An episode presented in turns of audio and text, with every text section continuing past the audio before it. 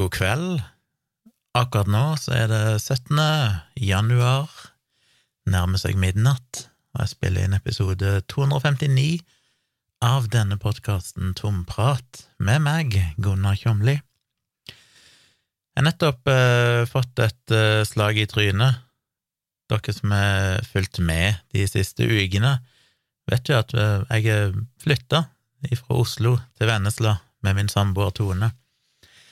Og så har vi jo hatt litt eh, elektrikerarbeid her, og det har jo vært eh, litt av en reise, må jeg jo si. Og jeg venta og venta på denne fakturaen. Dette arbeidet var jo ferdig Ja, de drev kanskje på Jeg husker ikke, litt uti desember eller noe sånt. Det er iallfall langt over en måned siden de var ferdige. Og ingen faktura er kommet, men i dag kom den berømmelige fakturaen som mange har spurt meg om og lurt på hva endte den opp på. For å ta historikken veldig kort, så var det jo her, skulle installere en lader til Teslaen, eh, og i samme slengen eh, lys inn i den boden der laderen skulle festes på utsida, for det var en bod med en carport der det ikke er noe lys inni. Og det ligger et lite stykke fra huset, de må liksom passere et annet hus i en sånn tomannsbolig, altså en vertikaldelt uh, rekkehus, holdt jeg på å si, med to hus, og så er det en garasje på sida der igjen, og så kommer Okka, eller carport, så kommer Okka carport bortenfor der igjen, så det er jo en jeg måtte sikkert strekke ledningen 15 eh, meter eller sånn, langs husveggen og forbi en carport og bort til boden Okka og montere der, så det var litt arbeid. Det skjønner jeg. Men det gjorde de vel på ja, ikke så mange timer de brukte på det. De måtte inn en fordeler og eget sikringsboks inn i den boden og litt sånn. Og så skulle de legge opp noen nettverkskabler her, ifra der ruteren kommer, der fiberen kommer inn, og ned eh, til forskjellige kontorer. Og så eh, skulle de fikse et par stikkontakter rundt forbi. Ganske lite jobb, egentlig. Det var liksom nettverkskabler og to-tre stikkontakter de skulle få opp. Eh, burde gå ganske fort, trodde jeg. Tenkte kanskje et par dagers arbeid maks. De endte vel opp med å bruke ei god uke, og jeg blei jo bekymra for hva kommer dette til å koste. Og jeg var ikke så veldig fornøyd, eller imponert, for de brukte jo fryktelig lang tid bare på å prøve å trekke disse nettverkskablene ifra der de skulle komme, ifra der fiberen kom inn, og ned til de forskjellige rommene. Jeg satt jo ikke og journalførte dette, men de brukte lang tid. Jeg vil tippe det må ha gått iallfall én dag bare til det. Og så brukte de fryktelig lang tid på enkelte andre ting. Liksom det bare få liv i et stikkontakt tok plutselig tre-fire timer. Som jeg tenkte en dreven elektriker skal vel gjøre det på 20 minutter. Eh, men de hadde med seg det var to personer som regel. Han ene var jo helt åpenbart lærling eller et eller annet sånt. Det virker jo ikke som han visste hva han gjorde i det hele tatt. De gjorde feil, de kobla jo ene stikkontakten inn på Tone sitt rom ble jo kobla til lysbryteren, så når hun skrudde av lyset, så slo jo datamaskinen og alt seg av. Så det måtte de jo koble på nytt, og når de var ferdige, så var det jo den stikkontakten som var der opprinnelig, den virka ikke lenger, eh, pluss at det var bare et stort hull i veggen plutselig, og det kom de da heldigvis å fikse litt seinere. Eh, de skulle jo, ja, trekke disse kablene, det fikk de jo aldri til, så de til slutt måtte bare ditche hele ideen om å trekke nettverkskablene i røyer, så da sa de at de skulle legge det i kanaler istedenfor. Så ble vi enige om hvor de kanalene skulle gå hen. Så begynte de å jobbe, og når de var ferdige, så hadde de lagt kanalene en helt annen vei, blant annet ved å bore seg ut, og så på utsida av huset, og så inn igjen gjennom et annet hull på andre sida av huset. Så var det sånn, ja, ok, greit nok, men det var jo ikke det vi ble enige om. Eh, kanalene var jo ikke spesielt fint festa, noen av de er liksom løse, de, de kommer ut ifra veggen, og der de skøyter sammen, så er det ofte sagt dårlig, sånn at det er sånn glipe.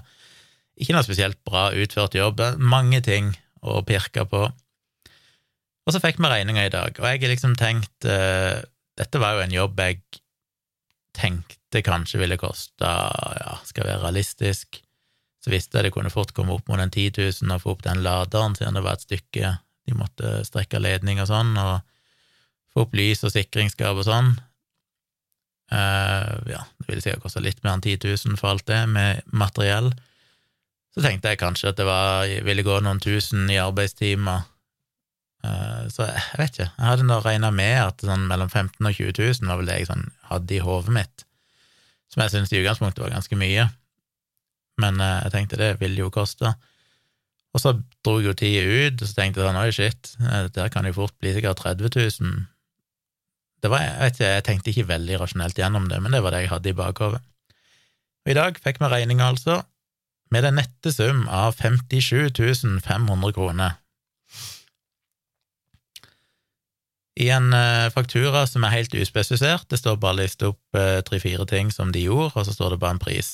Står ingenting om kostnader av materiell, står ingenting om timebruk eller timepris. Ingenting.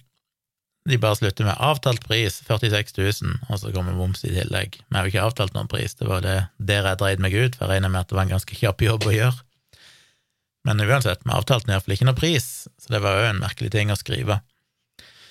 Så ja, så da har jeg starta prosessen, for jeg kommer neppe til å betale den regninga der.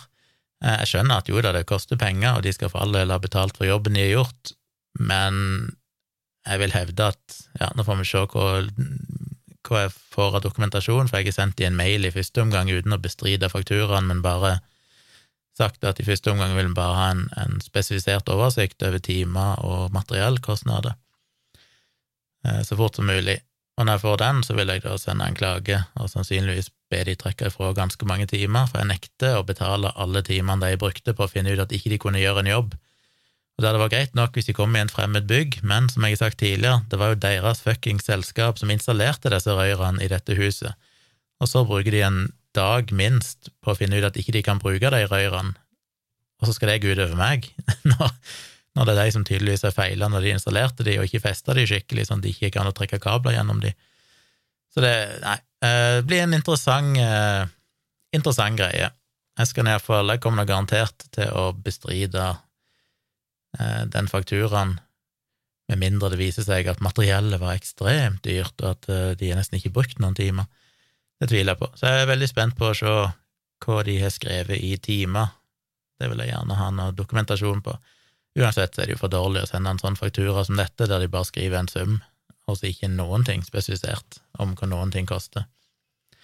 Så jeg håper de får fingeren ut. Nå har de jo brukt over en måned på å sende meg faktura i utgangspunktet. Og så håper jeg jo de er litt kjappe da med å få sendt et eh, fakturagrunnlag, eller hva du skal kalle det, for dette. Men jeg ble litt sjokkert, det må jeg si. Jeg eh, tenkte at det i worst case kunne komme på 30 000 pluss, som jeg syns er altfor mye penger. Mye, mye mer enn det jeg hadde tenkt å bruke på det jeg så på som en ganske enkel og kjapp jobb. Bare få satt opp noen nettverkspunkter og fikse et par stikkontakter. Men ja, ganske drøyt, må jeg jo si, mildt sagt. Så jeg skal holde dere oppdatert i denne sagaen. Jeg har ikke sagt noe navn på firmaet ennå, men hvis de ikke Hvis de gjør en god jobb i forstand av at de legger seg flate og tar imot, eller tar klagen eh, Hva heter det? Eh, at de aksepterer klagen og reagerer i henhold til den, så skal de få skryt hvis de er vanskelige, eller hvis det viser seg at de har skrevet masse timer på greier som jeg syns er bare bullshit, så kan det godt være jeg må Ikke at det har å si, det er sikkert ingen, ingen som kommer til å Nei, det er kanskje en annen der ute som hører på, som teknisk sett kunne funnet på å bruke dette firmaet. Men ja, vi får se. Dere får eh, følge med på å høre hvordan det går, håper at det kan skje relativt fort. Jeg har òg fått eh, den berømte strømregninga, som jo alle er så opptatt av nå for tida. Den var derimot ikke Altså, ja, ille er den jo. Jeg mener det er jo helt hinsides kostnader med tanke på hva jeg er vant til å betale i strøm. Uh, nå har jeg vært bortskjemt fordi Ja, etter jeg begynte å betale Altså, etter jeg begynte å bo alene, så har jeg vel Jo, jeg har vel betalt strøm uh, i de hyblene og leilighetene jeg har hatt. Jeg husker ikke helt Vi har jo leid noen hus og leiligheter rundt forbi jeg har bodd mange forskjellige plasser. Men det er så lenge siden, jeg husker ikke, og det var sikkert ikke ille. Men ifra vi bygde hus på Tonstad med min ekskone, så må vi jo betale strøm sjøl. Og jeg husker ikke hva det heller kosta, men det var nå ikke all verden, og i Sirdal der er det jo subsidiert strøm til og med til innbyggeren, for det er jo en kraftkommune, og de bruker noe av overskuddet til å, å, gi billig strøm til innbyggerne, uten at jeg husker hvor mye det egentlig utgjør. Og så har jeg jo bodd, eh, bodd jeg mange år på Tøyen, og det var jo en eh, leilighet med fjernvarme eh, inkludert. Så oppvarming og sånn var jo inkludert i husleia, for den leide jeg jo bare. Det eneste jeg betalte for, var vel eh, Oppvarming av vann var jo gratis, eller inkludert. Så det eneste jeg betalte for, var jo den strømmen jeg brukte på TV og datamaskin, holdt jeg på å si. Det var jo, og det var jo marginalt. Eh, eventuelt lys, altså bare sånn vanlig strømstrøm til elektriske artikler. Så der betalte jeg jo nesten ingenting i strøm. Og det var ikke noe stor leilighet heller, sånn 40 kvadrat. 45, nei, 42 kvadrat. Og så flytta vi til Haugenstua, det var omtrent dobbelt så stor leilighet. Eh, der var det jo panelovner, men det var fortsatt billig. Vi bodde jo der et par år, og jeg, betalte jo ikke mer enn en Ja, eh, det var noen hundrelapper, tror jeg jeg betalte i strøm hver måned. Eh, litt under tusenlappen, kanskje 700-800 kroner, vil jeg tippe, eller noe sånt, pluss nettleie. Så ikke all verden der heller. Og så flytter vi her, og så skjer jo dette strømgreiene. Og her er det jo et betydelig større bolig, selv om i grunnflate så er den ikke så mye større, det er jo bare 30% større i areal, holdt jeg på å si. Kan det stemme? Stemmer jo, men det bare virker veldig rart. Den var vel 96, den vi hadde i Oslo, og så er denne her 127 eller noe sånt, men dette er jo tre etasjer, så det føles jo ekstremt mye større. Men iallfall, strømregningen er ikke 30% høyere, for å si det sånn. Så her har vi jo hatt eh, panelovner, og den regningen jeg fikk nå, var jo for desember, men vi fikk jo installert varmepumpe i øverste etasje i romjula, så da, desember er jo primært panelovn oppvarma, pluss elbil eh, og annet, annet, som trekker strøm. Så jeg var litt spent, men den kom vel på Nå har jeg ikke foran meg, men jeg tror han var på 5007-5008 eller sånn. Så er jo det selvfølgelig inklusiv statens eh, støtte, som jeg tror utgjorde en Hva er det jeg fant ut? 2500 eller sånt. Så han hadde jo blitt betydelig høyere. Men det var nå ikke så ille. Det var liksom ikke sånn 15 000 kroners regning eller 10 000 kroners regning. Så ikke så ille som jeg hadde frykta, og forhåpentligvis så blir det jo enda litt billigere framover fordi vi da har varmepumpe som hjelper litt. Uh, ja, så vi får se hva det går framover. Men det er folk som har spurt og lurt på hva jeg fikk strømregning på, siden jeg har vært litt bekymra for det. Og i motsetning til faktura for elektrikere, så var jo faktura ifra kraftselskap, eller strømleverandør, eller hva det heter, hva det kalles, var jo ikke så avskrekkende. Ellers så har jeg eh, bare sånn lite tips til dere nerder der ute. Jeg er jo en fyr som elsker å teste ut programvare, og har en tendens til å bytte e-postklient, bytte nettleser, bytte alt mulig rart med jevne mellomrom. Cloud-lagring, alt mulig. Jeg har snakket om det i tidligere episoder. Det går liksom et par måneder, to-tre måneder, og så plutselig får jeg sånn Oi, shit, nå må jeg sjekke om det har skjedd noe nytt på den fronten. Er det noen nye fancy tjenester jeg burde teste ut, sjekke ut? Eh, så jeg har vært ganske stabil lenge nå. Jeg hadde en periode over noen år der jeg bytta ut cloud-løsning, altså skylagring, med jevne mellomrom. Men nå har jeg brukt sync.com i flere år, og hver gang jeg går og sjekker er det noe som er bedre, så er det ikke det. Både prismessig og featuremessig og hastighet og alt, så er liksom sync.com den beste, vel å merke hvis du skal ha en skylagring som er klientside-kryptert, det vil si at alle filene blir kryptert på maskinen min før de blir lasta opp til skyen, sånn at om noen skulle hacke sync.com, så får de uansett ikke tilgang på filene mine, for det synk.com vet heller ikke passordet mitt. Det er jo mange som sier sånn at uh, the files are encrypted, men det er ofte bare fordi de er kryptert mellom din datamaskin og skylagringen. Akkurat som når du surfer på ei nettside over HTTPS, så er kommunikasjonen kryptert, men uh, de blir på en måte dekryptert når de kommer og blir lagra på, på serveren på andre sida. Ellers er det noen som krypterer de, men det er ikke en sånn uh, zero knowledge encryption, altså det er ikke, de blir ikke kryptert uh, med et passord som de ikke kjenner til. De, de lagrer filene kryptert, men de har teknisk sett muligheten til å De har tilgang på liksom krypteringsnøkkelen og kan dekryptere filene dine. Det betyr at hvis noen hacker de, så kan de teknisk sett få tak på dekrypteringsnøkkelen og dekryptere alle filene i den skylagringstjenesten. Så det er ikke så mange leverandører. Det er en tre-fire store seriøse som, som tilbyr sånn skikkelig klientkryptering. Risikoen med det er jo selvfølgelig at hvis du da glemmer passordet, så er du fucked, for da kan ikke de hjelpe deg, for de har ingen kopi, de har ingen mulighet til å vite hva, du har kryptert filene dine med. Uh, men alt skjer jo helt usynlig, det er jo akkurat som Dropbox, bare at uten at du vet det, så blir alle filene du legger i den mappa, uh, kryptert. Du kan jo laste de opp via nettleseren og sånn hvis du vil gjøre det på en tung tungvintermåten, sånn som du kan med Dropbox, men i utgangspunktet så får du bare delt mappa på harddisken og alt du legger der. Det blir automatisk synkronisert, kryptert og synkronisert til clouden.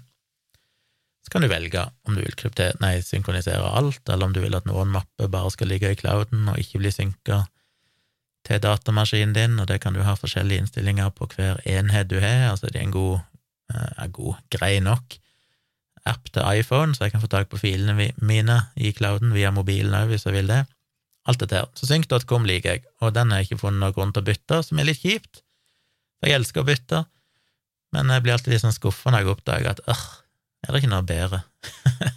og jeg savner jo ingenting. Det er ingenting som er galt med synk.com, det er bare jeg føler alltid at det er så fresht og deilig å teste ut noe nytt. Akkurat skylagring er jo et styr å bytte, da, for det har jo gjerne ganske store datamengder, og da må du på en eller annen måte synke de fra den ene tjenesten over til den andre, og det kan ta litt tid. Så det er alltid litt stress å bytte. Men ja, e-postklient òg har vært mye fram og tilbake. Jeg bruker jo Mac, så det jeg snakker om her nå, er jo Mac-verktøy. Sync.com finnes vel til alle plattformer, iallfall til Windows og Mac. Jeg vet ikke hva status er på Linux.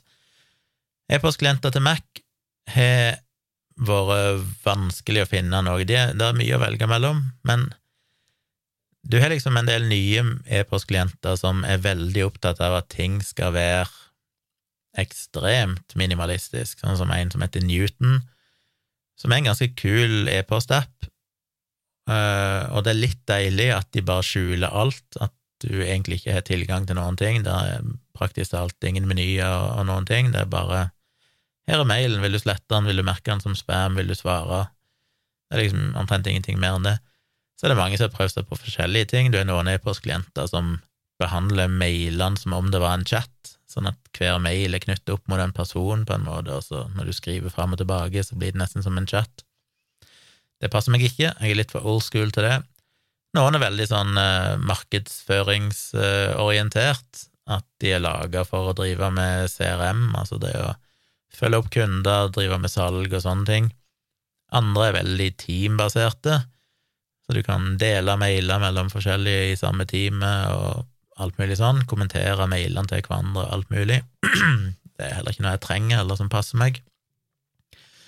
Og så er det jo skikkelig old school-ting, sånn som Postbox, eh, som er en app som opprinnelig iallfall var basert på Thunderbird. Mulig han er det ennå, det er jeg ikke helt sikker på. Jeg vil nesten tro det. Som er en veldig sånn klassisk, god, gammeldags e-post-app eh, som kunne vært laga på 90-tallet. De har oppdatert designet litt, så den ser litt mer moderne ut, men, men den har liksom all funksjonalitet. Alt som er bygd inn i eh, protokollene, er, er på plass der. Du kan gjøre alt men samtidig så kan du ikke gjøre noen ting av de fancy tingene. Den største mangelen er at han har jo ikke noen, eh, noen mobilversjon. Så hvis du bruker Postbox på desktopen, så må du bruke et eller annet annet på mobil. Og det gjorde jeg en periode. Jeg brukte Postbox på desktopen, og så brukte jeg bare den, eh, den vanlige e-post-appen til Apple på iPhone, den default-appen. Og det funker jo greit hvis du bare bruker e-post helt basic. Men jeg liker jo å ha enkelte andre features. Én ting jeg setter veldig pris på, er synk. Det vil si at hvis jeg gjør innstillinger eller legger til en ny e-postkonto på datamaskinen min, altså på desktop, Mac-en, så skal den bare være tilgjengelig på mobilen automatisk. Hvis jeg legger inn signaturer knytta til forskjellige e-postkontoer, så skal de synke over sånn at de samme signaturene gjelder når jeg sender mail fra mobilen og sånn. Jeg hater sånne e-postapper der du må sette det opp på én maskin, og så setter du det opp på mobilen, og så må du legge inn alt på nytt og legge inn de samme signaturene, og så endrer du det på én, og så glemmer du å endre det på den andre, så det er plutselig to forskjellige signaturer i mailene dine, avhengig av hvor du sender ifra, og alt det der. Det må synke. Risikoen med synk er selvfølgelig at du da går via en eller annen tredjepart. Det er det noen der ute, de som har laga appen, som, som, sitter på noe av dataene dine, eh, kanskje òg noe autentiseringsinformasjon, selv om det kan jo gjøres måter der de ikke trenger å vite ditt brukernavn og passord, det skal de selvfølgelig ikke vite, eh, så det kan gjøres sikkert, men det er klart det er alltid en liten, liten risiko. Hvis, nå, hvis, du virkelig er sånn personvernfokusert og sånn, så er jo en, en app sånn som Postbox eh, veldig nyttig, fordi den der er det ikke noe synking eller noen ting, det er bare å sette ting opp lokalt, og så kjører du på. Uh, ja, så det er mye forskjellig å velge mellom, men den jeg alltid kommer tilbake til, er den som heter Spark. Den har liksom den perfekte balansen mellom at han ser bra ut, moderne, fint design, er det meste av funksjonalitet, uh, men veldig enkel å bruke. Han er en veldig god iPhone-app. Uh, han har veldig god synk, sånn at alt, alle innstillinger er i synk. Den har snus, som jeg liker at du kan snuse mailer, det vil si du får en mail, og så tenker du denne her vil jeg ikke forholde meg til nå, men jeg vil ikke at den skal dukke opp igjen i innboksen eh, neste onsdag, eller i morgen tidlig, eller seinere i kveld. Og Da kan du bare snuse mailen, så forsvinner den i innboksen, og så dukker den opp igjen på det tidspunktet, den datoen du har sagt. Og det er veldig kjekt, eh, spesielt for eksempel sånn basic ting som at jeg får en kvittering på en hotellovernatting, og hvis jeg bare arkiverer den, så kan det være hvis jeg trenger den, så må jeg plutselig søke den opp igjen og sånn, og det er litt stress. Eh, men hvis jeg bare snuser den og setter den til å dukke opp i innboksen min sånn en time før jeg skal sjekke inn, så vet jeg at når jeg kommer til sjekk-inn, så ligger den klar i innboksen min øverst og lett tilgjengelig. Eller hvis det er noen som eh, skal ha meg til å gjøre eller et eller annet jeg må forholde i jobb eller privat. Eh, la ikke si det var et foredrag som jeg må huske at jeg skal følge opp og ta kontakt med noen eh, om en måned. Så kan jeg bare snuse den mailen en måned, og så dukker den opp igjen. Så det blir litt som en sånn to do automatisk. Spark er trøbla litt, som de fleste sånne e-postklienter gjør når det gjelder snusing. Det er ikke alltid de er helt stabile, spesielt hvis du skal synke den snusinga mellom forskjellige enheter, at du både har mobil og desktop og du snuser den på én på desktopen, og så kan det være den plutselig bare dukker opp på mobilen din uten at det var meninga. Men eh, det siste året, eller siste halvåret, så har det vært veldig stabilt, ikke hatt noe trøbbel med det. Så det tok de noen år å få det på plass til å bli stabilt, men nå ser de endelig ut til å ha knekt koden. Og det er klart Alt dette her er vanskelig fordi e-post, altså disse protokollene, IMAP, eh, POP3, som vel ingen bruker lenger, SMTP for å sende mail, alt dette her er jo gamle teknologier som vil stamme helt tilbake igjen ifra, ja, det tar jeg ikke si, iallfall 80-tallet. Det kan være de ble utvikla allerede i en eller annen primitiv versjon på slutten av 70-tallet eller sånn, men, men iallfall siden 80-tallet, og har egentlig holdt seg uendra og du kan jo egentlig ikke begynne å kødde med dem, fordi de er jo så ekstremt utbredt over hele internett. Det er så mye som er avhengig av at disse protokollene, altså disse teknologiene for å, at disse e-postserverne skal kommunisere sammen og sende mail og motta mail, og klientene skal fungere og sånn. Så mye av den der nye funksjonaliteten som snusing av mailer og alt det der, det er jo ting de må bygge oppå på en eller annen vis. Og det kan ofte være litt tricky, hvordan gjør de det? Så noen løser det jo med at de praktisk talt gjør alt på serversida, så all mailen du får inn, har de de ikke tilgang til innholdet nødvendigvis, men de har tilgang til headerne i mailen, det vil si sender, mottaker, tidspunkt, eh, litt sånne forskjellige ting, eh, som de har på sin server. Så kan de sørge for å liksom snuse mailer, at de henter fram igjen mailen i innboksen din på riktig tidspunkt og sånn, på serversida. Men igjen så er jo det en sånn personvernsutfordring, for da må du stole på de, stole på at det er kryptert, stole på at alt er sikkert og sånn på den sida. Eh, så er det andre som prøver å løse det på andre måter, med å hacke litt mer med, med systemene på litt mer sånn grunnleggende nivå, som er mer eller mindre stabilt. Jeg skal ikke gå inn i detaljene, men poenget er at, at Spark har vært en god app. Nå snakka jeg veldig lenge om noe som jeg egentlig ikke hadde tenkt å snakke om i det hele tatt, men jeg syns jo alltid det er gøy å snakke om programvare. Kanskje dere lærer noe? Kanskje det er nyttig? Jeg vet ikke. Håper det. Hvis ikke, så har jeg jo kapittelinndelinger på disse podkastene, så det går an å bare skippe lett til neste del hvis dere ikke trives.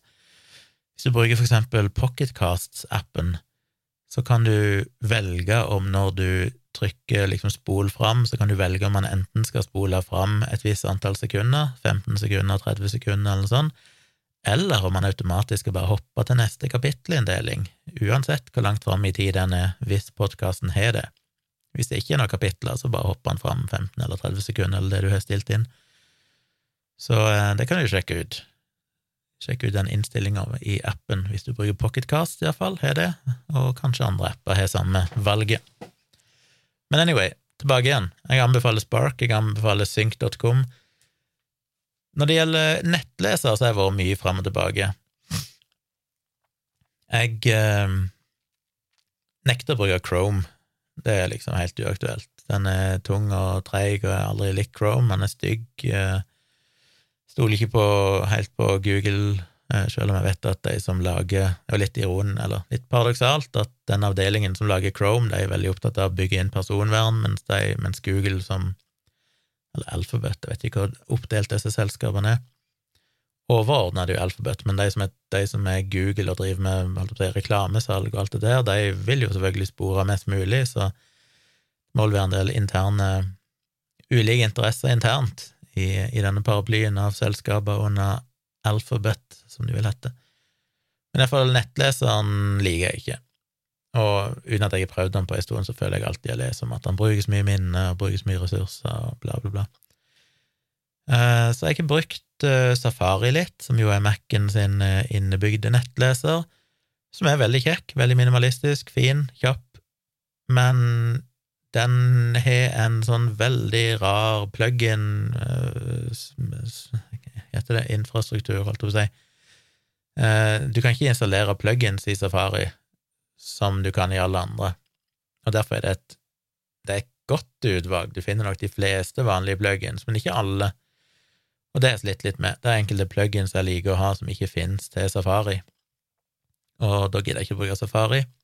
Selv om Safari er veldig kjekt hvis du er på Mac, for det er alt synker mellom mobil og desktop og sømløst, og den er innebygd passordadministrator, nei, passordmanager, hva er det på engelsk, hva er det på norsk? Passord et eller annet. Så den kan lage passordene for deg og generere passord for deg og holde styr på alt det. Men det vil jeg ikke bruke, for da blir du låst til Safari. Da har du alle passordene i Safari, og det vil jeg ikke. Så jeg bruker One Password, som er liksom en egen programvare bare for å, å lagre alle passordene mine og generere unike passord til alle nettsider og alt det der. Og så uansett hvilken nettleser jeg bruker, så trenger jeg bare installere One Password-pluginen, og så funker det på tvers av alt.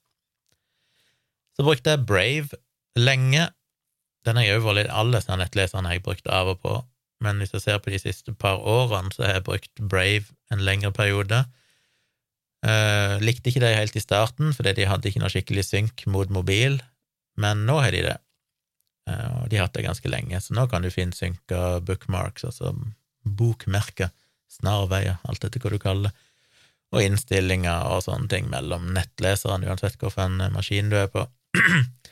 men så fikk jeg litt uh, problemer, og Brave er vel også bygd på Chromium, som er den motoren i, i, Chrome, så du kan bruke Chrome sine plugins og sånn i Brave. Eh, og det er fint, for Chrome har vel det rikeste utvalget av plugins. Men så begynte maskinen min å bruke mye minne med Brave. Brave er jo veldig bra fordi at han er veldig sånn personvern- og sikkerhetsfokusert. Innebygd blokkering av omtrent alt. De var tidlig ute med det, nå gjør jo de fleste nettlesere det på en eller annen måte. Men jeg har for så vidt likt det. Blokkere reklamer, blokkere tracker og alt mulig sånn. Um, så jeg var ikke helt fornøyd med Brave. Og så gikk jeg over til Firefox for noen måneder siden. Og jeg har jo brukt Firefox mange ganger før opp gjennom historien, både på Windows og Linux og ulike plattformer jeg har jobba med de siste 25 årene. Men uh, så begynte Firefox å gjøre samme greier, den har jo begynt å bruke mye minne. Jeg fikk sånn advarsel om at uh, om at han brukte for mye minne, og det var heller ikke så kult. Men det er for så vidt en irriterende ting med Safari, at den er en sånn innebygd smart ting, at hvis han mener at nettsider bruker for mye ressurser, så bare reloader nettsida helt spontant, som jo er helt idiotisk, fordi ofte så vil en ikke det. Eh, enkelte nettsider du ikke vil skal reloade, så det er jo en grunn til å ikke bruke, ikke bruke Safari. Og så tenkte jeg la meg prøve Jeg har prøvd andre, sånn som Vivaldi, som er en sånn spin-off for opera, noen som vel Jeg vet ikke helt hvordan historikken i det, men det er vel noen uh, utviklere, tror jeg, som brøt ut av Opera Software og starta med sin eget opplegg. Og kanskje han sjefen sjøl, eller noe sånt. Ja, iallfall Vivaldi, og det, skal, det er en veldig nerdete nettleser som jeg liksom fokuserer på at du skal kunne konfigurere absolutt alt. Det er ingenting du ikke kan gjøre i den, liksom. Eh, og den har jeg jo lyst til å bruke, bortsett fra at den har ingen mobilapp i det hele tatt.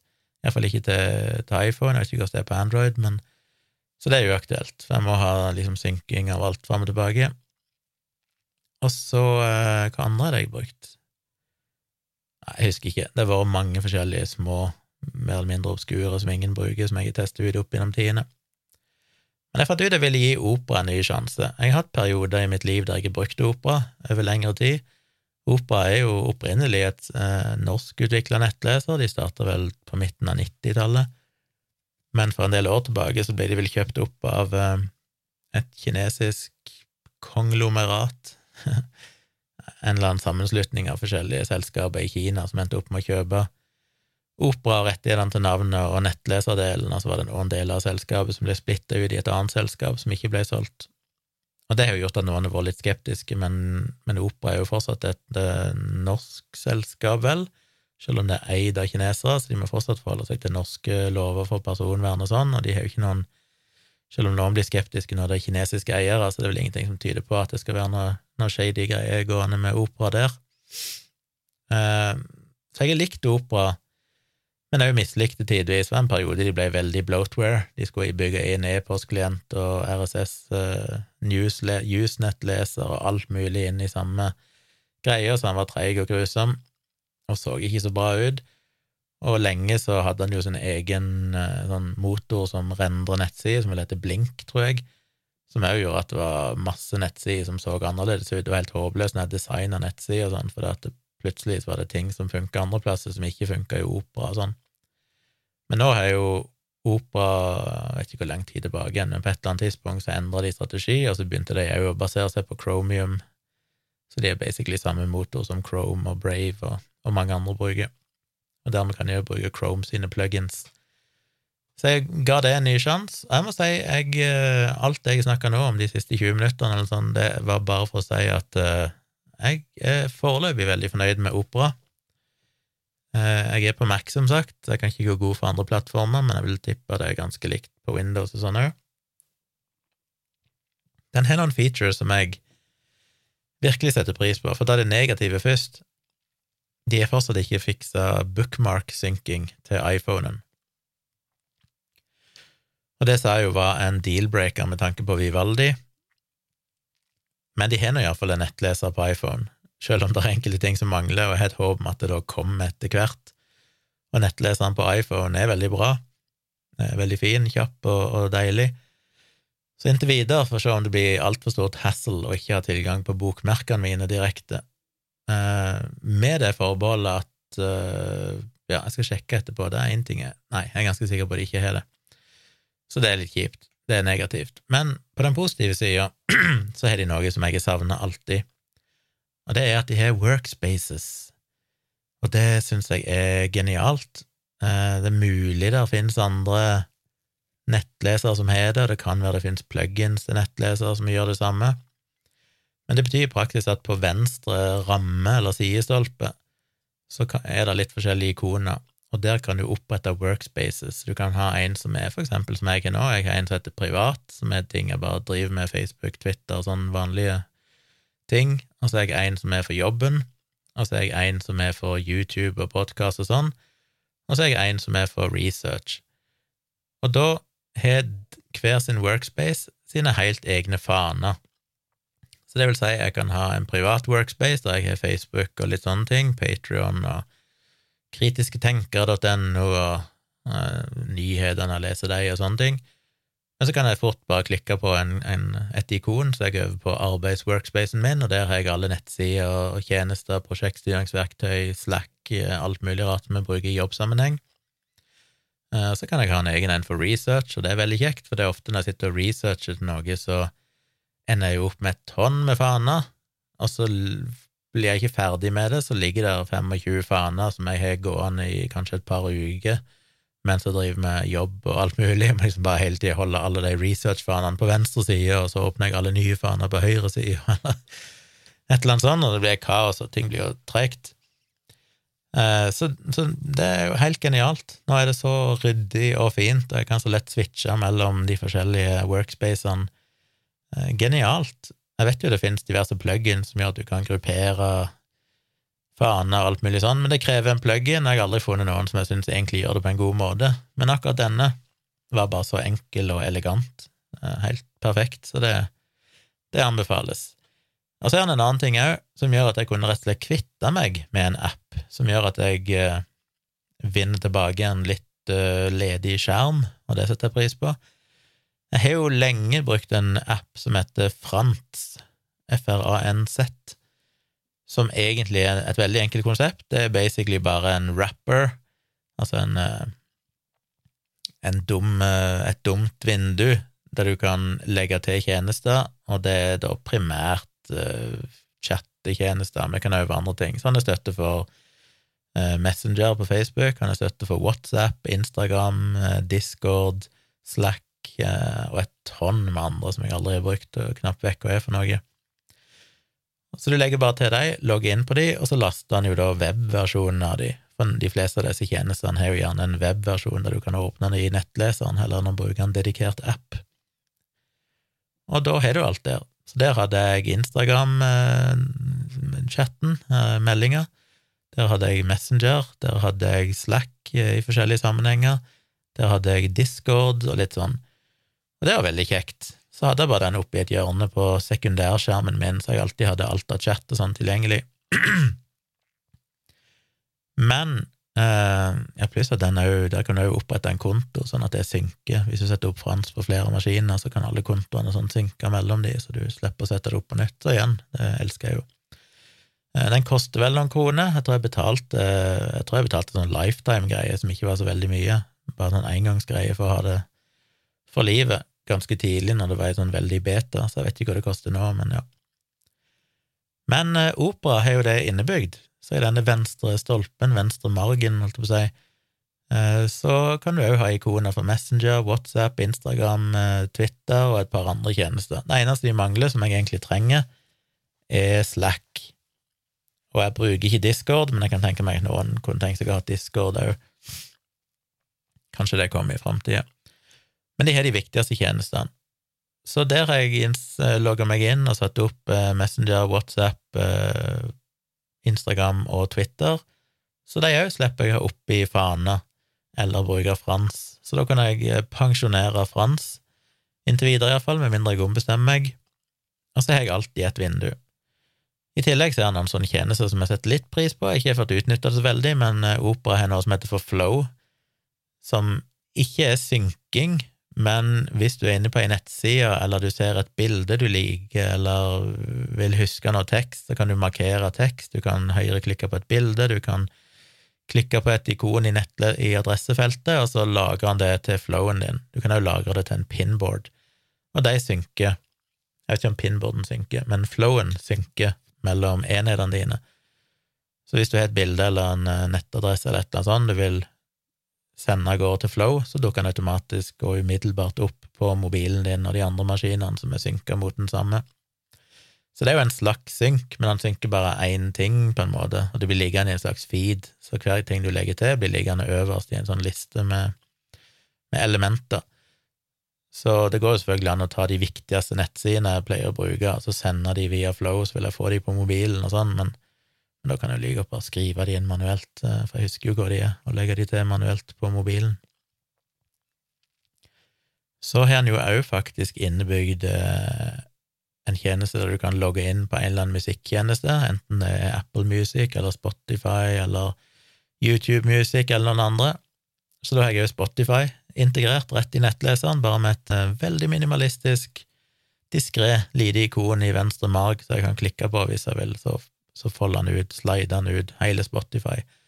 Så kan jeg den liggende der og spille. Så alt i alt, jeg liker jo Det, det er liksom en fin balanse mellom bloatware og det at det faktisk er nyttig. Eh, det blir bloatware hvis du prøver å bygge inn alt i produktet ditt med din egen teknologi, Men her har de ikke gjort det. Denne gangen har de gått for å bare gjøre det disse allerede eksisterende webtjenestene, for Spotify finnes jo òg i nettleseren, du må ikke bruke Spotify-appen. Så du bare logger inn, og så bare viser han webversjonen av Spotify i sidestolpen. Og dermed så er det ikke bloatware lenger, for det er ikke noe de prøver å finne opp hjulet på nytt og lage sin egen all, alle apper eller all teknologi skal inn i samme appen. Det er fortsatt bare en nettleser, men de har bare enkle snarveier til disse webbaserte tjenestene, eh, som jo hører hjemme i en nettleser, siden en nettleser er for å vise webbasert innhold. Så jeg må si eh, alt i alt, eh, så langt eh, veldig fornøyd, og ikke minst, jeg får ikke noen meldinger om høyt minnebruk lenger, og han virker veldig kjapp.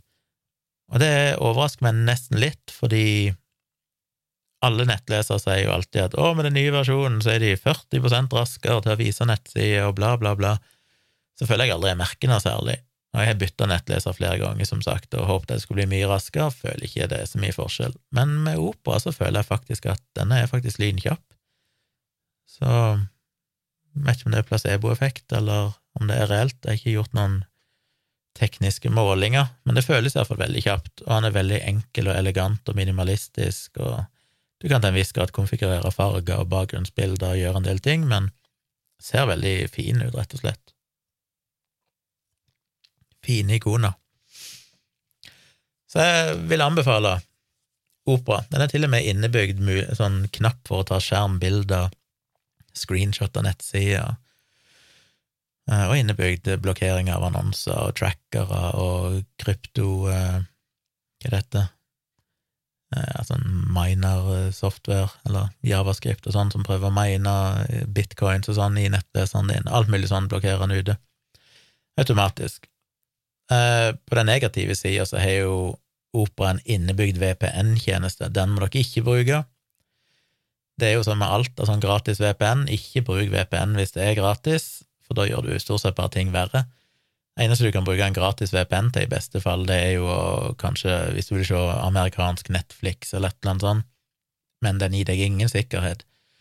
Eh, det finnes ingen skikkelig Altså, han sender basically bare dataene dine over HTTPS, som alle nettsider uansett, bare at han sender de til én server, eller ruter de via én server.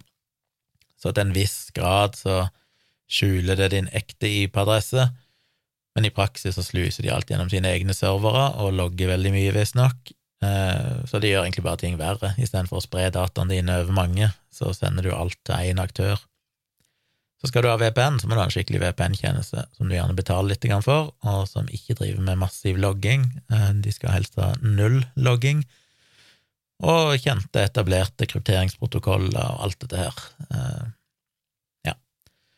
Og der bruker jeg ExpressVPN, selv om den har alltid blitt rata veldig, veldig høyt, ved å regne som kanskje den beste, dokumentert, ingen logging og alt dette her, men så ble de nylig kjøpt opp av et annet selskap, leste jeg og da er folk litt mer skeptiske, så jeg må researche det litt og se om jeg må vurdere å bytte, bare sånn av prinsipielle grunner. Så det ble mye softwareprat, det ble en halvtime eller noe sånt med softwareprat. Det var ikke meninga. Det jeg hadde tenkt å snakke om, det var jo denne slankevideoen og litt om slanking, fordi jeg la jo ut en video her for eh, et par dager siden på min YouTube-kanal Tvilsomt med mekjommelig, som jeg prøvde å gjøre kort. Det er rett og slett bare en liten monolog. Jeg snakker til kamera og sier litt i kontekst av dette her eh, programmet med Christer Falk, og, som har fått kritikk av Linnea Myhre og Ingeborg Senneset og andre. Eh, og litt denne treningsslanke helseserien til Wasim Sahid, som òg fikk bitte grann kritikk i Aftenposten, og som han svarte på, og så har han fått støtte av andre. Eh, så det har jo vært mye om dette her akkurat i det siste. Og det var litt inspirert av forrige ukes på fredag, så hadde meg og Tone en livestream, ærlig talt, som vi har ganske mange fredager. Og der kom jeg litt innom det, og så hadde jeg en liten rant der, og så tenkte jeg shit, det der følte jeg jeg må lage en liten video om, jeg må si noe om dette. Så det ble en video. Jeg satte meg bare ned helt spontant etter livestreamen, faktisk, til meg og Tone, etter at hun hadde gått, så satte jeg meg ned og så bare improviserte jeg noen argumenter, noen tanker rundt det, og endte vel opp med å spille inn, jeg husker ikke hvor mye det var. Det var nok sikkert bortimot en 20 minutter eller noe sånt opprinnelig, og så kutta jeg. Og denne gangen var jeg ganske flink til å kutte, fordi jeg tenkte hvis jeg skal få fram mitt hovedbudskap, som eh, en av mine følgere og lyttere, Karoline, var så hyggelig at hun lagde et par klipp av, tilpassa Instagram, som jeg delte på Instagram. Hun la på tekst òg, og jeg har fått eh, masse likes på det som jeg syns var litt interessant. Eller ikke interessant, jeg visste det jo egentlig, men det viser jo hvor viktig det er å gjøre sånne ting. Skal nå ut, så det er jo helt genialt. og jeg har jo sagt det mange ganger, at sånn, å, jeg burde lage små klipp av videoene mine og bruke Instagram og TikTok og alt mulig. Men jeg orker ikke, det er så mye arbeid, det tar så mye energi å bare lage videoen og tenke på at du skal sitte i timevis etterpå og fikse småting og, og reklame-teasers og sånn. Det, det blir liksom aldri prioritert. Så det var helt genialt at Karoline ville hjelpe meg med det. Så hun lagde et sånn lite 30 sekunders klipp, og hun fant jo akkurat det som var liksom the money shot, holdt jeg på å si. kanskje feil begrep å bruke, men money quote er vel kanskje bedre, uh, av videoen. Som egentlig veldig kort fortalt var at hvis, hvis du tok summen av uh, ja, hvis folk generelt sett går ned i vekt, så ja, så ville du hatt uh, litt lengre levetid kanskje, og bedre folkehelse og sånn, men hvis du måler summen av all lidelse, mobbing, eh, skam, eh, selvmord, psykiske plager og alt så kommer gjennom det hysteriet av eh, knytta til kropp og, og, og, det å være overvektig og alt det medfører, så vet jeg ikke om vi totalt sett vinner noe, kanskje tvert imot, på å ha dette fokuset på at det er viktig å holde vekt, og viktig å gå ned i vekt, og viktig å ha en sunn vekt, og alt det der. Og i videoen så snakket jeg jo om mye forskjellig. Jeg snakket jo blant annet om hva jeg tror vi kan gjøre for å løse det. Jeg snakket litt om hvordan jeg har hvilken metode jeg brukte for å gå ned i vekt, eh, for jeg gikk jo ned en 15 kilo eller noe sånt for noen år siden. Jeg var innom flere ting, men jeg valgte til slutt å kutte ut alt det, og bare fokusere på dette her dilemmaet med at ja, det er bra for helsa, men det er òg kanskje ikke spesielt bra for helsa hvis du inkluderer psykisk helse i helsebegrepet, som du jo bør. Eh, så jeg skal ikke avsløre alt jeg sier i den videoen, eller gjenta det, dere får sjekke ut videoen. Jeg klarte å kutte ned til å bli bare elleve minutter lang, så det er jeg ganske fornøyd med. Det gjorde jeg på to måter. Jeg kutta vekk alle sidespor, alle nyanseringer og sånn, og så til slutt gikk jeg gjennom og kutta ut alt av tomrom, alle pauser på et, et par sekunder der jeg tenkte meg om eller trakk pusten omtrent. Det bare kutta jeg i god YouTube-stil, så alt er bare sånn skikkelig kompakt og fint. Eh, så det tror jeg ble bra.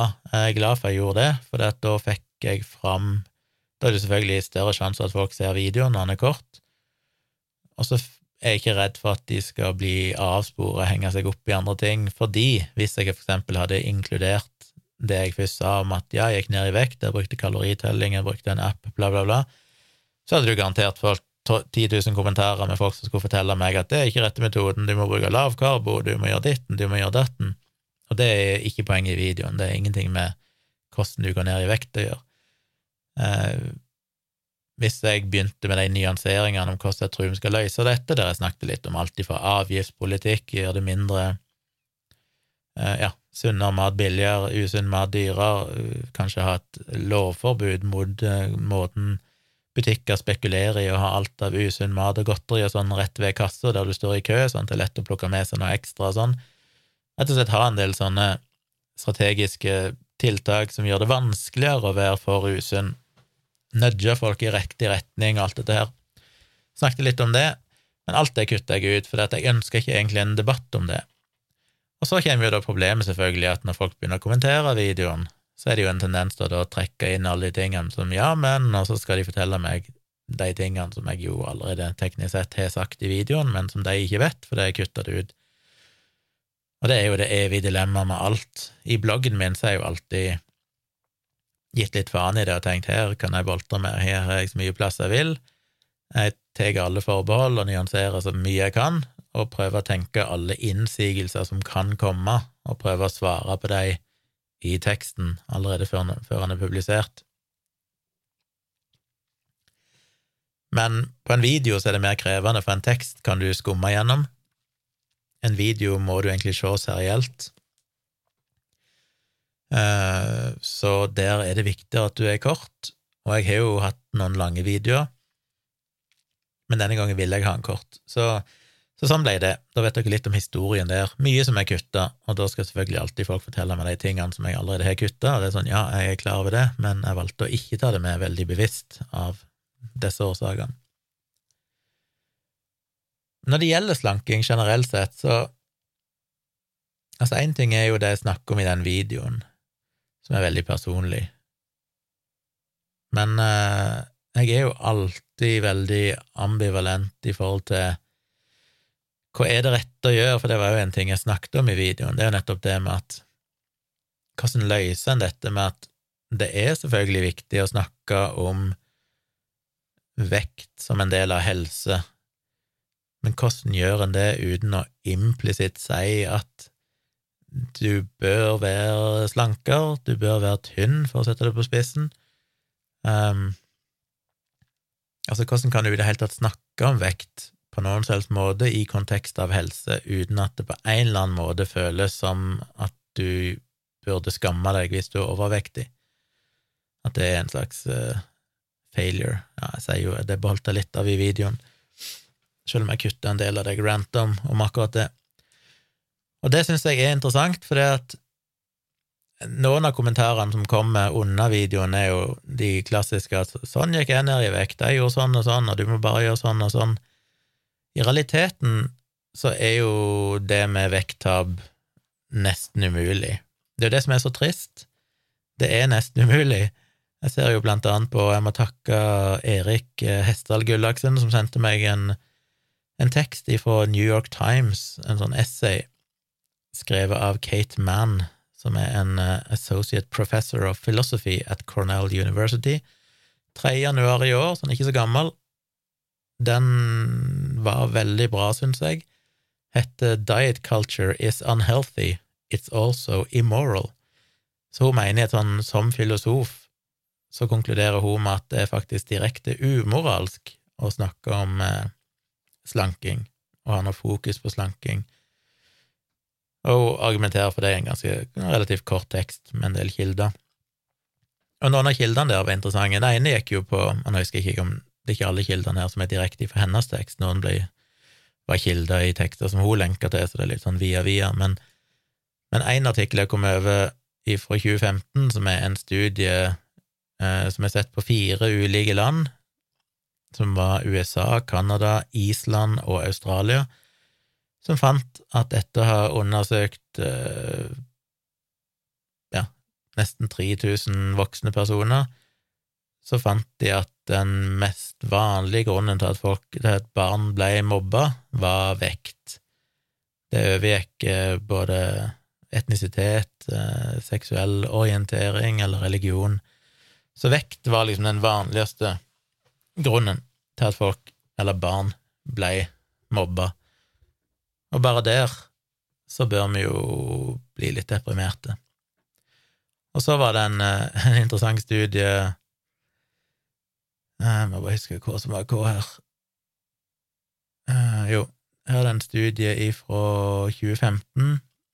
Probability of an obese person attaining normal body weight, cohort study using electronic health records.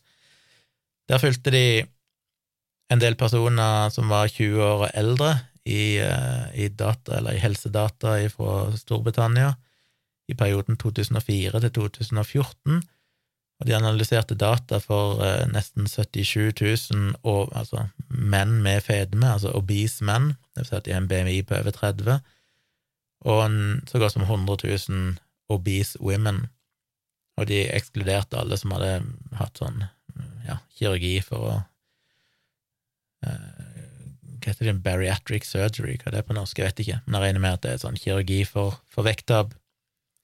Og da så de på to endepunkter. Det ene var hvor mange av disse klarte å gå ifra å være obese, altså ha fedme, til å oppnå en normal kroppsvekt, som vil vel si under 25 i BMI, hva er det, 20 til 25, eller de som klarte å redusere kroppsvekta med 5% Og det de fant, var jo ikke så oppløftende. Eh, kanskje ikke så overraskende, men sjansen for at menn skulle klare å gå ifra å ha en, en BMI på mellom 30 og 35 til å ende opp som normalvektige. Eh, Nå må jeg bare se om jeg leser riktig Ja, nei, de som hadde si, det de kaller for simple obesity, det vil si at de akkurat er over i fedme-sjangeren, der jeg ligger og av og til ikke ligger, alt avhengig av om jeg går opp og ned i vekt, mellom 30 og 35, de hadde en sjanse på omtrent For menn så lå han på litt under en halv prosent da de klarte å gå ned til normalvekt. Så én av 210 menn klarte det, og det er jo den gruppa jeg er i. Så liksom under en halv prosent av de endte opp med å klare å gå ned til den vekta og holde seg der. For damer så var det omtrent nesten dobbelt så stor sjanse, men fortsatt litt under 1% av de klarte det. Eh, hvis du ser på de som hadde morbid, morbid obesity, det vil si en BMI på over 40, 40 til 45, så gikk jo sjansen ned til langt under en promille for menn, og rundt en ja, litt over en promille for eh, damer. Hvis du derimot så på de som bare klarte å redusere vekta si med 5% så var han én av åtte i menn, litt over 10% og én av sju i kvinner, altså ørlite grann flere. Så sjansen for å redusere rundt 5% som jo kan være viktig rent sånn helsemessig, var jo innafor, men den er jo fortsatt på, på ja, et veldig lite mindretall, nesten 90% eller 85% eller sånn, klarer det jo ikke. En annen eh, studie så jo på Hva den var?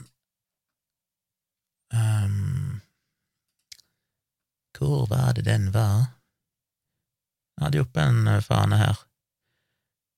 Ja, det var i hvert fall en eller annen studie de hadde sett på flere studier, det var en metaanalyse, og så på over 100 000 deltakere eller noe sånt, og kom fram til at det var under 1% som klarte å, å, gå ned i vekt og holde seg nede i vekt. Eh, det store flertallet gikk ikke bare opp igjen til den vekta de var opprinnelig, men de økte vekta gjerne med fem–seks kilo i forhold til det de starta.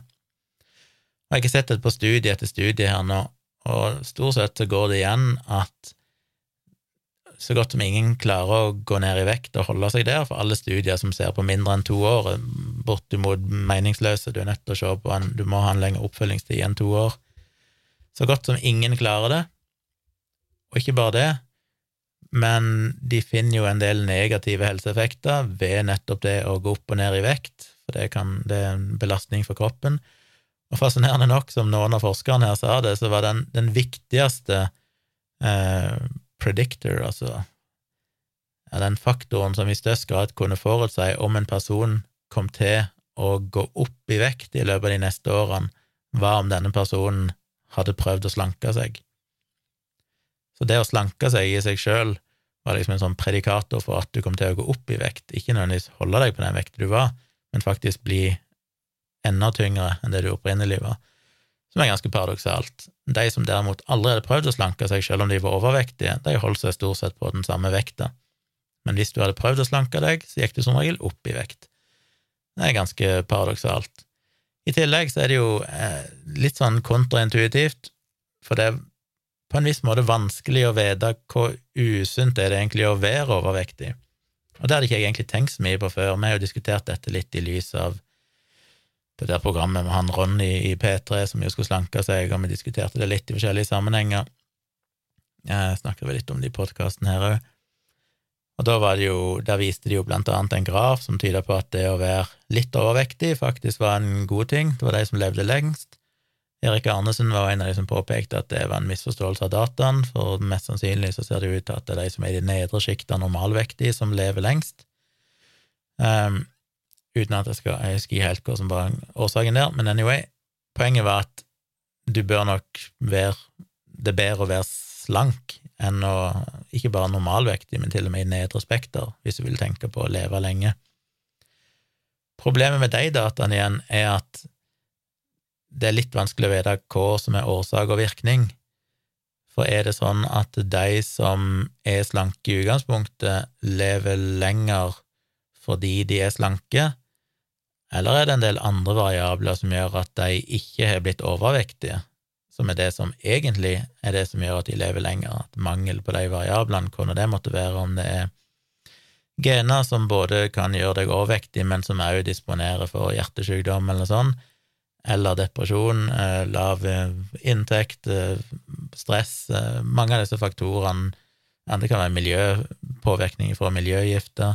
Alt mulig rart som en spekulerer i kan spille inn på dette med overvekt. Er det det som egentlig er helsefarlig, eller er det overvekta i seg sjøl?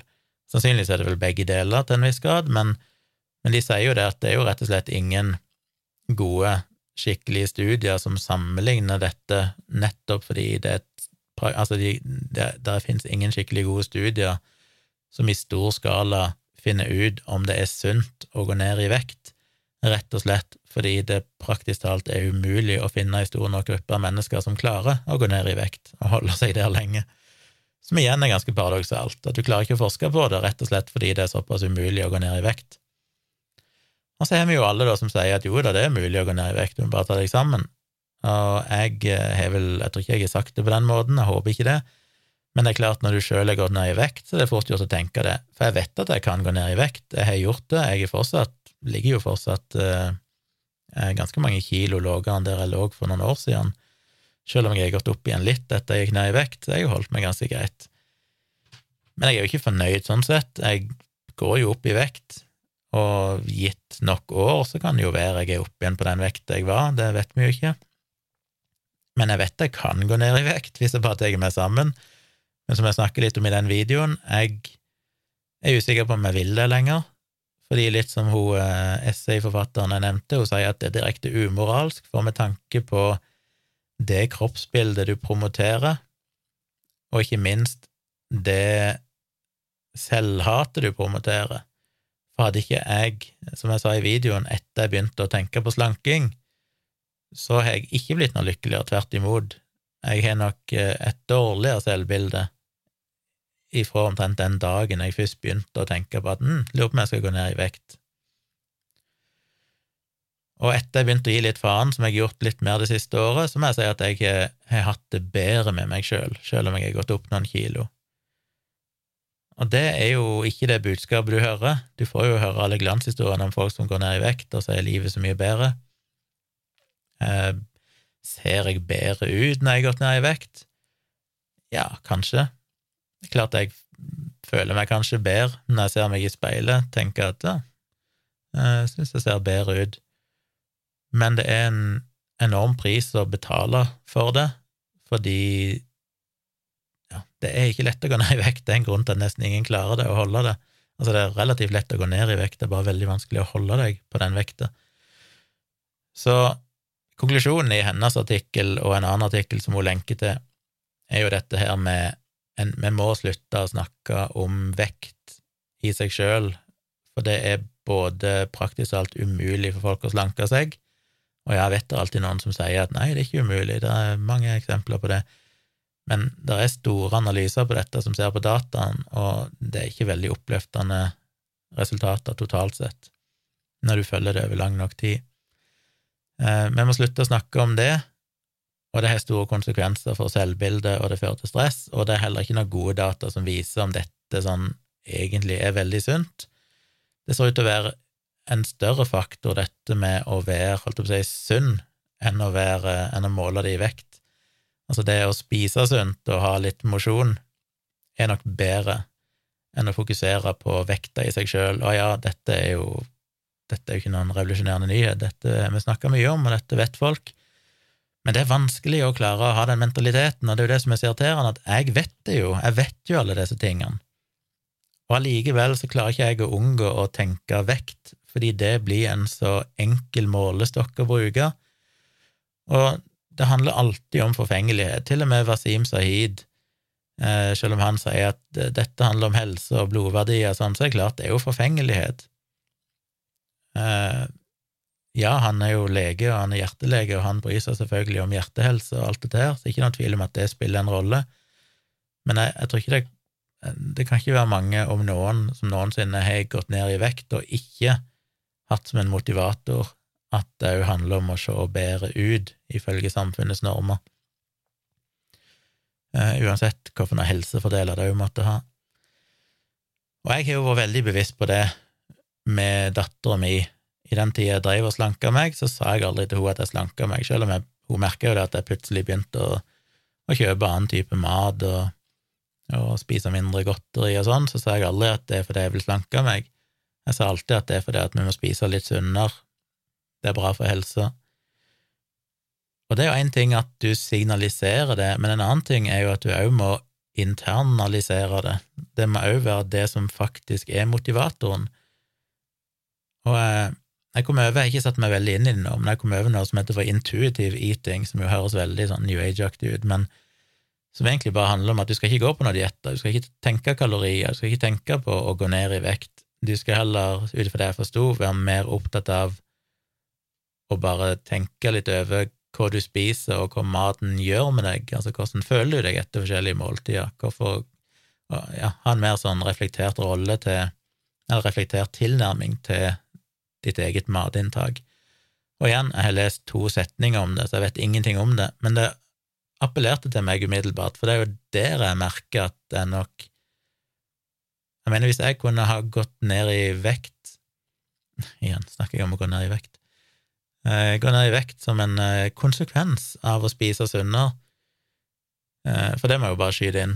Når jeg gikk ned i vekt, så var jo det primært gjennom å spise sunnere, for det blir du på en måte tvunget til. Jeg telte kalorier, men teller du kalorier og samtidig ikke vil være for sulten, så må du automatisk spise relativt sunt. Du må spise mat som er relativt magert, men allikevel mettende, og det blir variert, og. Så det var jo det mest positive. Ja, jeg gikk ned i vekt, men det er ikke noe tvil om at jeg spiste sunnere, og det hadde gode effekter for mage, magen min og diverse ting som jeg tidligere hadde slitt litt med, ble vesentlig bedre. Eh, så det å, å å fokusere mer på å tenke over maten jeg spiser. Hvis jeg bare hadde glemt alt om slanking, glemt alt om kalorier, og heller bare tenkt meg om når jeg spiser, og bare fordi jeg vet jo det at å, å trykke i meg et halvt kilo nøtter eller en kilo med smågodt, jeg vet jo at det er jo ikke bra på noen målestokk, annet enn dopaminkick og lykkerus, som jo er verdifullt i seg sjøl. Um, men hvis jeg heller hadde bare reflektert over de tingene, så er jo det den mest fornuftige måten å spise på. Fordi jeg vet jo at dette bør jeg ikke spise. Jeg vet jo på en måte hva som er riktig, uten at jeg teller kalorier, uten at jeg tenker på at jeg skal spise mindre, så vet jeg likevel at valget av mat er fornuftig. Jeg vet hva jeg skal velge. Vi har jo ernæringsrådene fra staten som stort sett forteller dere det, og som på mange måter er innebygd i ryggmargen på de fleste av oss. Spiser mer frukt og grønt og alt det der, spiser mager mat. Uh, dette vet vi jo, så det er jo noe med det å gjøre òg, og jeg vet jo det at jeg ikke nødvendigvis føler meg spesielt bra etter å ha spist for usunn mat. Det gir kortvarig glede, men jeg, jeg syns det føler meg dvask og tung etterpå og tenker at dette her var jo egentlig ikke nødvendig. Så bare der hadde jeg klart å bare forholdt meg til det alene, så hadde det vært nok. Det hadde vært nok til at jeg hadde både fått eh, et sunnere kosthold generelt sett, og da som en følge av det hadde gått ned i vekt. Og jeg snakker jo om å gå ned i vekt òg, for jeg er jo faktisk eh, Nå har ikke jeg veid meg på lenge, for heldigvis er batteriet i vekta gått tomt, og jeg har ikke følt noen motivasjon for å kjøpe nytt batteri. Men jeg vil tippe jeg sikkert har bikka over 30 igjen i BMI, og er liksom i den absolutt ikke sunne delen av skalaen. Eh, også en siste faktor som en må snakke litt om, er jo dette med, med psyken oppi det hele. Det er jo litt sånn med Eirik Newth og hans prat om dette med sykelig overspising, og hvordan det er knytta til mental helse og er en spiseforstyrrelse i seg sjøl. Um, jeg vet ikke hva jeg plasserer meg på den skalaen, men det er ikke noen tvil om at jeg bruker mat som belønning og som trøst, på en måte. Jeg eh,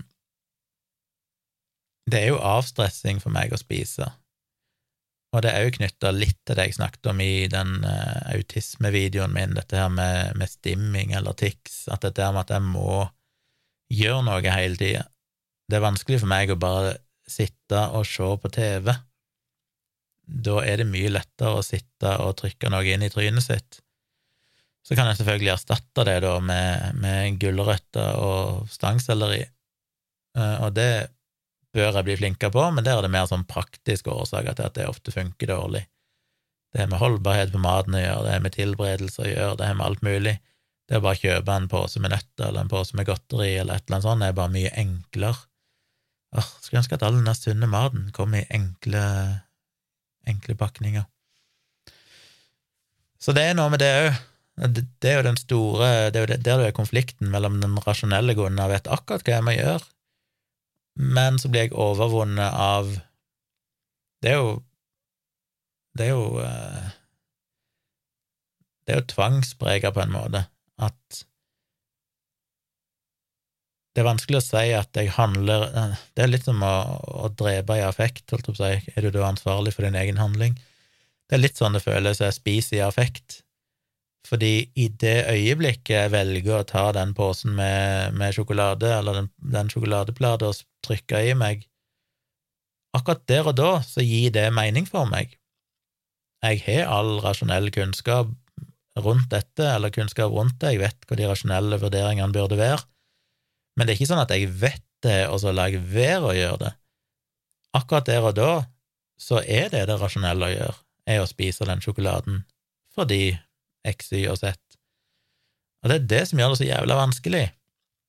Det er da det er liksom holdt på å si en spiseforstyrrelse, fordi det handler ikke lenger om om å ta seg sammen, det handler ikke lenger om, om eh, egen om selvkontroll eller viljestyrke, fordi i det øyeblikket så gjør jeg det som jeg føler er det riktige, som jeg nok tenker dette er det beste akkurat nå. Og det blir jo veldig likt folk med spiseforstyrrelser og andre tvangsprega lidelser. Eh, rusmisbruk, alt mulig sånn. Du vet jo at dette ikke er bra, du skal slutte med dette rusmiddelet.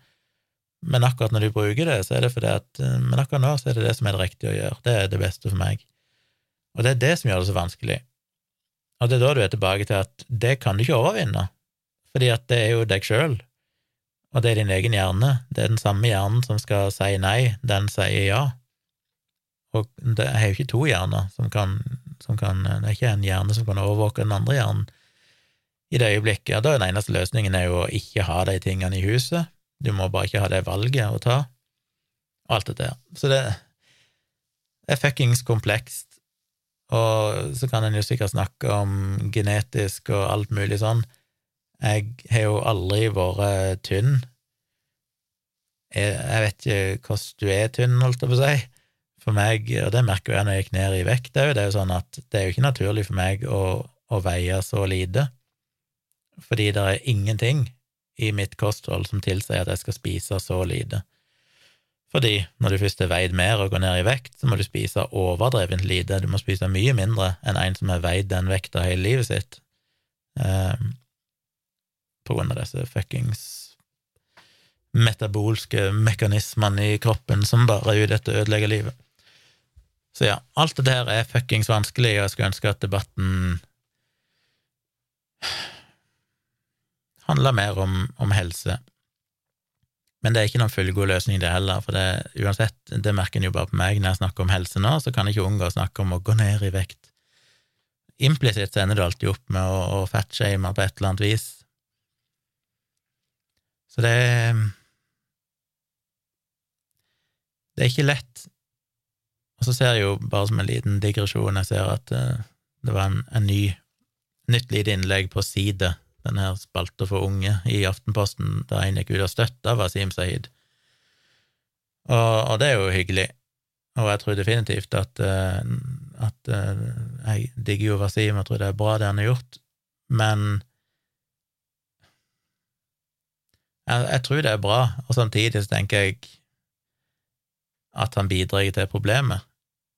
Det, uansett hvordan han ordlegger seg og sånn, så, så, vil det fortsatt handle om at du skal gå ned i vekt, og at han som et ideal går ned i vekt, og han ser bra ut, alt dette her, det er jo med på å, å få oss andre til å føle oss dritt. Og ja, jeg skjønner at det er det kan til en viss grad høres teit ut å si at fordi noen Du skal ikke ha lov å være flink og se bra ut, for det får andre til å føle seg verre.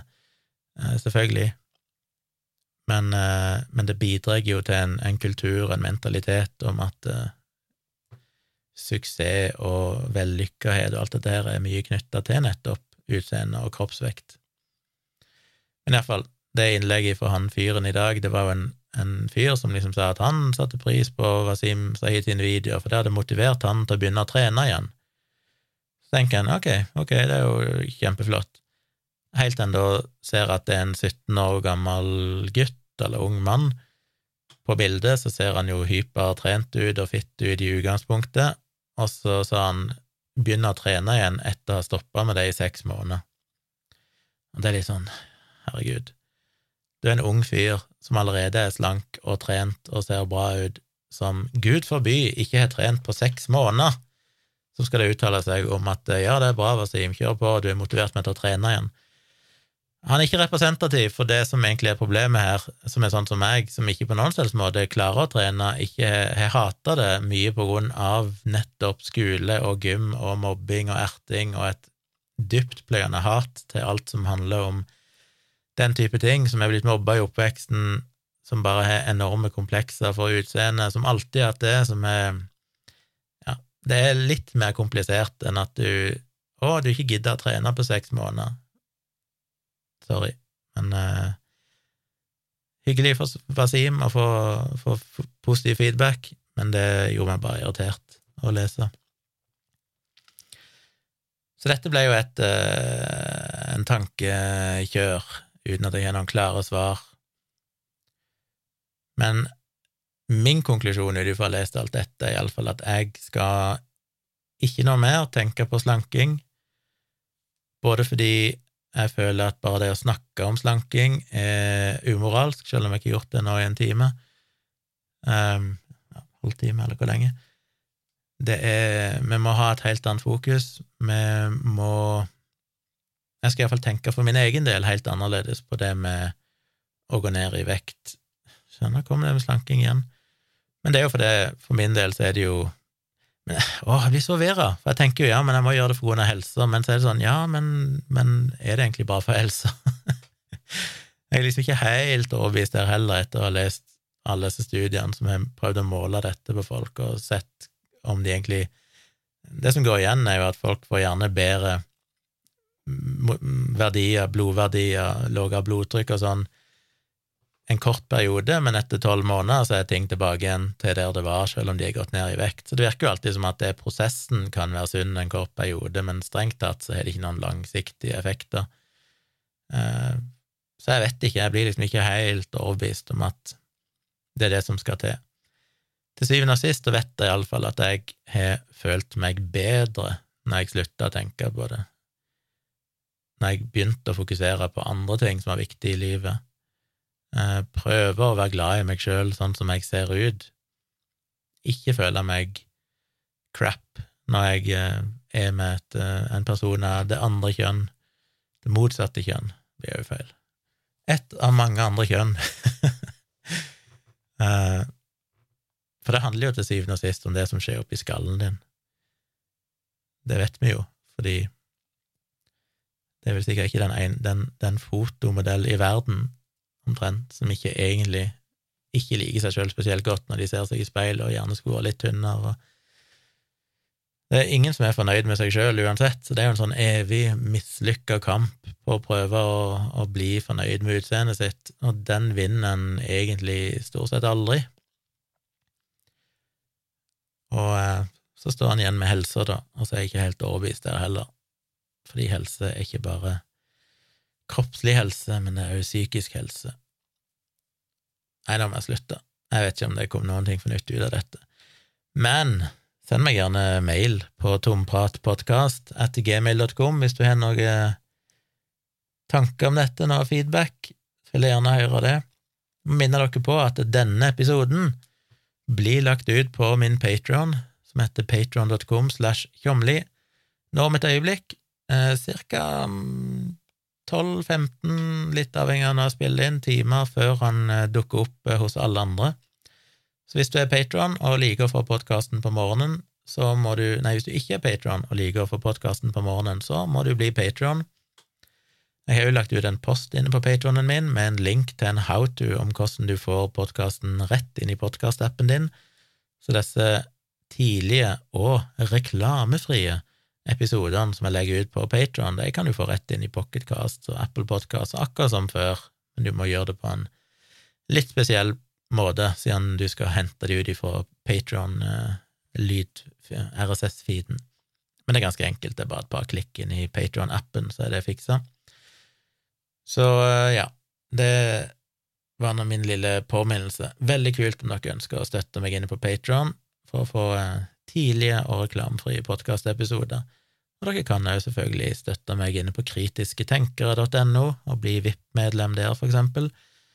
Da får dere òg alle andre goodies, bortsett fra reklamefrie episoder. Det får du kun inne på Patron, og ellers er det likt begge plassene. Så kanskje enklest å støtte meg på Patron, og så i tillegg ha en gratisbruker på kritisketenkere.no hvis du vil følge med på det som skjer der. Uh, Jesus. Jeg må slutte. Må få lagt ut denne episoden. Takk for at du hørte på, hvis det er noen som fortsatt hører på. sånn er det. Jeg legger noen linker til disse artiklene jeg nevnte i, uh, i beskrivelsen av episoden. Jeg vil virkelig anbefale dere å lese iallfall den uh, New York Times-essayet, veldig kort og konsist. Og så er det et par andre òg som jeg kunne tenkt meg at dere gjerne leser. Og så gå inn på YouTube-kanalen min og se denne slanke videoen min, som dere finner der. Den varer i elleve minutter, og den sier litt bedre om hva jeg føler om dette, i en litt mer kortfatta versjon. Og når du først er der inne, husk å like videoen, og husk å kommentere, for alt det hjelper jo på spredning av budskapet, og abonner på YouTube-kanalen min.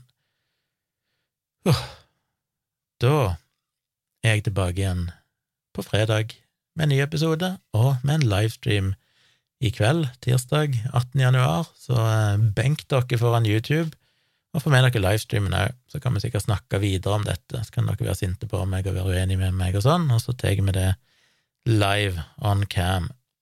Så da eh, høres vi igjen ganske så snart.